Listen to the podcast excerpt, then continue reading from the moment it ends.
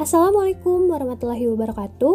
Halo semua, nama saya Tiona Marida dari kelas PJKRB Dan saya Arya Chandra Pangestu dari kelas PJKRB Kami mewakili kelompok 2 yang akan menjadi podcaster pada topik perkembangan peserta didik. Untuk memanfaatkan waktu yang ada, mari kita mulai.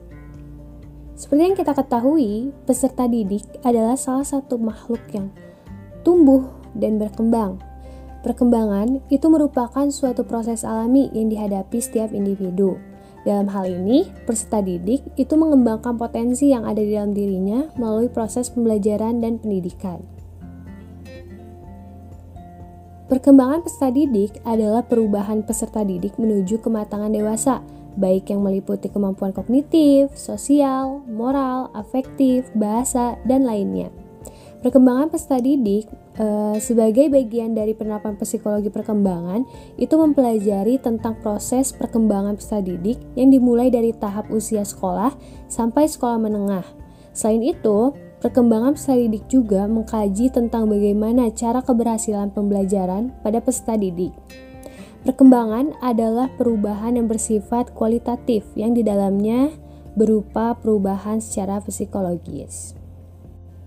Nah, adapun perubahan-perubahan Nah, adapun perubahan-perubahan dalam perkembangan individu itu merupakan hasil dari proses-proses biologis, kognitif, dan sosio-emosional yang saling berkaitan. Proses biologis ini meliputi perubahan pada sifat fisik individu yang semakin bertambah usia akan mengarah kepada kematangannya. Untuk proses kognitif, itu meliputi perubahan pada pemikiran inteligensi dan bahasa individu. Nah, sedangkan proses sosio-emosional itu meliputi perubahan pada relasi individu dengan orang lain, serta perubahan emosi dan kepribadian yang menyertainya. Lalu, saya akan menjelaskan prinsip-prinsip e, dalam perkembangan peserta didik. Seperti yang kita ketahui, manusia itu tidak pernah berhenti berkembang sejak terjadi proses pembuahan sampai menuju ajal. Manusia selalu mengalami perkembangan dan perubahan. Perubahan tersebut dapat meningkat atau menurun secara drastis. Nah, menurut Harlock, eh, tahun 1991, prinsip perkembangan itu dibagi menjadi sembilan. Yang pertama adalah sikap kritis sebagai langkah awal perkembangan. Lalu yang kedua adalah kematangan dan belajar e, mempengaruhi perkembangan. Lalu yang ketiga, perkembangan itu memiliki pola tertentu yang dapat diramalkan. Lalu yang keempat, e, yaitu perkembangan setiap individu adalah berbeda. Lalu yang kelima, perkembangan memiliki karakteristik tertentu. Lalu yang keenam adalah e, perkembangan. Setiap perkembangan itu memiliki resiko dan bahayanya masing-masing. Lalu poin selanjutnya yaitu perkembangan dibantu oleh rangsangan. Poin selanjutnya yaitu perkembangan dipengaruhi oleh perubahan budaya. Dan poin yang terakhir adalah harapan sosial pada setiap tahap perkembangan. Apa sih maksud dari art apa sih arti dari semua itu? Nah, bentar lagi. Nah, apa aja sih maksud dari uh, poin-poin tersebut? Nah, apa aja sih maksud dari poin-poin tersebut? Yang pertama, sikap kritis sebagai langkah awal perkembangan. Maksudnya adalah sikap dan perilaku yang dilihat anak pertama kali itu dapat mempengaruhi perkembangan anak tersebut. Selain itu, anak juga butuh motivasi dari orang-orang terdekat mereka. Dan uh, lalu di poin yang kedua yaitu kematangan dan belajar itu mempengaruhi perkembangan. Nah, artinya perkembangan kematangan adalah terbukanya sifat bawaan individu, yang artinya sifat yang sudah diwariskan kepada individu tersebut akan muncul. Sedangkan belajar merupakan perkembangan yang berasal dari usaha dan latihan, sehingga melalui belajar seorang dapat memperoleh kemampuan yang diwariskan. Contoh dari hasil kematangan dan belajar itu dapat dilihat dari hasil usaha seperti menulis, mengemudi, atau bentuk keterampilan yang membutuhkan e, latihan. Poin yang ketiga yaitu perkembangan memiliki pola tertentu yang dapat diramalkan. Artinya, setiap anak akan memiliki pola urut saat berkembang. Contohnya, kemampuan jemari-jemari seseorang akan didahului oleh keterampilan lengan terlebih dahulu. Lalu yang poin keempat yaitu perkembangan setiap individu berbeda. Yap, betul. Setiap individu itu mengalami perkembangan yang berbeda meskipun pada anak kembar. Nah, perbedaan e, perkembangan ini e, dimaksudkan adalah kecepatan anak mengikuti pola dengan caranya sendiri. Perbedaan ini tuh dipengaruhi oleh faktor bawaan, emosional, atau adanya dorongan dari seseorang, sehingga orang tua atau pendidik harus melakukan penanganan berbeda pada setiap anak. Poin selanjutnya yaitu perkembangan memiliki karakteristik tertentu. Dalam, berkembang, dalam perkembangan juga dapat diketahui pola karakteristik yang dialami anak. Setiap anak itu memiliki pola perkembangan yang sama, yang runtut dari satu tahap ke tahap berikutnya, mulai dari perkembangan fisik, mental, maupun e, perkembangan sosial mereka. Lalu poin selanjutnya yaitu perkembangan memiliki resiko. Setiap perkembangan pasti memiliki resiko dan bahaya yang dapat mengganggu penyesuaian fisik, psikis, dan sosial anak. Resiko ini tuh datang dari lingkungan keluarga maupun masyarakat. Jadi bukan hanya e, faktor internal, tapi faktor ek eksternal pun e, mempengaruhi perkembangan ini. Lalu poin selanjutnya yaitu perkembangan dibantu oleh rangsangan. Nah, artinya perkembangan akan berjalan sebagaimana mestinya jika ada bantuan atau dorongan dari lingkungan sekitar. Misalnya, semakin rajin orang tua berbicara dengan anaknya, maka semakin cepat anak tersebut belajar berbicara. Perkembang lalu poin yang ke-8 yaitu perkembangan dipengaruhi oleh e, perubahan budaya. Nah, maksudnya sikap dan fisik anak itu dipengaruhi oleh budaya yang diberikan e, oleh orang tua ataupun pendidik sejak dini. Misalnya sifat laki-laki itu akan cenderung lebih berani daripada perempuan karena permainan masa kecilnya yang e, mungkin lebih menantang. Lalu poin terakhir yaitu harapan sosial pada setiap tahap perkembangan. Nah, maksudnya adalah jika tahap perkembangan tercapai, maka orang tua atau masyarakat akan merasa puas. Begitupun sebaliknya, jika anak e, seorang anak itu berkembang secara lambat ataupun lama, nah dari lama Nah, orang tua ataupun masyarakat eh, sekitarnya pun akan khawatir dan berusaha untuk mencari solusinya. Gitu. Di sini saya akan menjelaskan poin tentang tugas perkembangan peserta didik di Indonesia. Salah satu prinsip perkembangan bahwa setiap individu akan mengalami fase perkembangan tertentu yang merentang sepanjang hidupnya. Pada setiap fase perkembangan ditandai dengan adanya sejumlah tugas-tugas perkembangan tertentu yang seyogianya dapat dituntaskan. Tugas-tugas perkembangan ini berkenaan dengan sikap, perilaku, dan keterampilan yang seyogianya dikuasai sesuai dengan usia atau fase perkembangannya. Yang pertama ada tugas perkembangan masa bayi dan kanak-kanak awal. E, satu, belajar berjalan pada usia 9 sampai 15 bulan.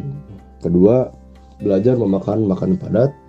Tiga, belajar berbicara 4. Belajar buang air kecil dan buang air besar 5.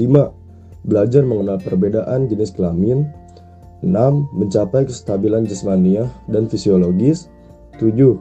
Membentuk konsep-konsep sederhana, kenyataan sosial dan alam 8. Belajar mengadakan hubungan emosional dengan orang tua, saudara, dan orang lain Dan yang kesembilan, belajar mengadakan hubungan baik dan buruk dan pengembangan kata hati. Lalu selanjutnya ada tugas pengembangan masa kanak-kanak akhir dan anak sekolah. Yang pertama ada belajar memperoleh keterampilan fisik untuk melakukan permainan. Kedua, belajar membentuk sikap yang sehat terhadap dirinya sendiri sebagai makhluk biologis. Tiga, belajar bergaul dengan teman sebaya. Empat, belajar memainkan peranan sesuai dengan jenis kelaminnya. Lima, belajar keterampilan dasar dalam membaca, menulis, dan berhitung.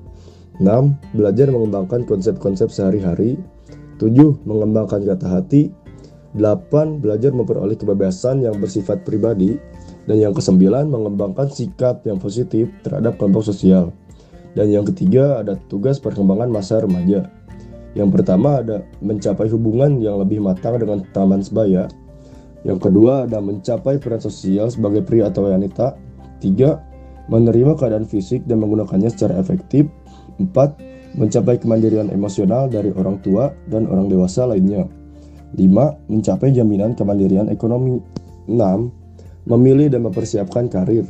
7. Mempersiapkan pernikahan dan, dan hidup berkeluarga. 8. Mengembangkan keterampilan intelektual dan konsep-konsep yang diperlukan bagi warga negara. 9. Mencapai perilaku yang bertanggung jawab secara sosial. Yang ke-10, memperoleh seperangkat nilai sistem etika sebagai petunjuk atau pembimbing dalam berperilaku. Lalu yang keempat ada perkembangan masa dewasa awal. Yang pertama ada memilih pasangan, lalu yang kedua ada belajar hidup dengan pasangan, lalu yang ketiga ada memulai hidup dengan pasangan, empat memelihara anak, lima mengelola rumah tangga, enam memulai kerja, tujuh mengambil tanggung jawab sebagai warga negara, dan yang kedelapan menemukan suatu kelompok. Sementara itu, Departemen Pendidikan Nasional tahun 2003 memberikan rincian tentang tugas pengembangan peserta pengembangan masa remaja untuk peserta didik usia tingkat SMP dan SMA yang dijadikan sebagai rujukan standar kompetensi layanan bimbingan dan konseling di sekolah yaitu yang pertama ada tugas pengembangan peserta didik tingkat SMP 1 mencapai perkembangan diri sebagai remaja yang beriman dan bertakwa kepada Tuhan Yang Maha Esa. Dua, mempersiapkan diri, menerima dan bersikap positif serta dinamis terhadap perubahan fisik dan psikis yang terjadi pada diri sendiri untuk kehidupan yang sehat. Tiga, mencapai pola hubungan yang baik dengan teman sebaya dalam peranannya sebagai pria ataupun wanita. Empat, memantapkan nilai dan cara bertingkah laku yang dapat diterima dalam kehidupan sosial yang lebih luas. 5. Mengenal kemampuan bakat dan minat serta arah kecenderungan karir dan apresiasi seni. 6. Mengembangkan pengetahuan dan keterampilan sesuai dengan kebutuhannya untuk mengikuti dan melanjutkan pelajaran dan atau mempersiapkan karir serta berperan dalam kehidupan masyarakat. 7. Mengenal gambaran dan sikap tentang kehidupan mandiri secara emosional, sosial, dan ekonomi. Dan yang kedelapan, mengenal sistem etika dan nilai-nilai sebagai pedoman hidup sebagai pribadi, anggota masyarakat, dan minat manusia. Lalu yang kedua ada tugas perkembangan peserta didik tingkat SMA. 1. Mencapai kematangan dalam beriman dan bertakwa kepada Tuhan Yang Maha Esa. 2. Mencapai kematangan dalam hubungan teman sebaya serta kematangan dalam perannya sebagai pria dan wanita. 3. Mencapai kematangan pertumbuhan jasmaniah yang sehat. 4. Mengembangkan penguasaan ilmu, teknologi, dan kesenian sesuai dengan program kurikulum, persiapan akhir, persiapan karir, dan melanjutkan pendidikan tinggi, serta berperan dalam kehidupan masyarakat yang lebih luas. 5. Mencapai kematangan dalam pilihan karir. 6. Mencapai kematangan gambaran dan sikap tentang kehidupan mandiri secara emosional, sosial, intelektual, dan ekonomi. 7. Mencapai kematangan gambaran dan sikap tentang berkehidupan berkeluarga, bermasyarakat, berbangsa, dan bernegara. 8. Mengembangkan kemampuan komunikasi sosial dan intelektual serta apresiasi seni. Dan yang kesembilan atau yang terakhir, mencapai kematangan dalam sistem etika dan nilai. Baik, cukup sekian yang dapat kami paparkan. Kurang lebihnya mohon dimaafkan. Semoga dengan podcast dari kelompok 2 ini bermanfaat bagi semua yang mendengarkan. Terima kasih dari kami. Wassalamualaikum warahmatullahi wabarakatuh.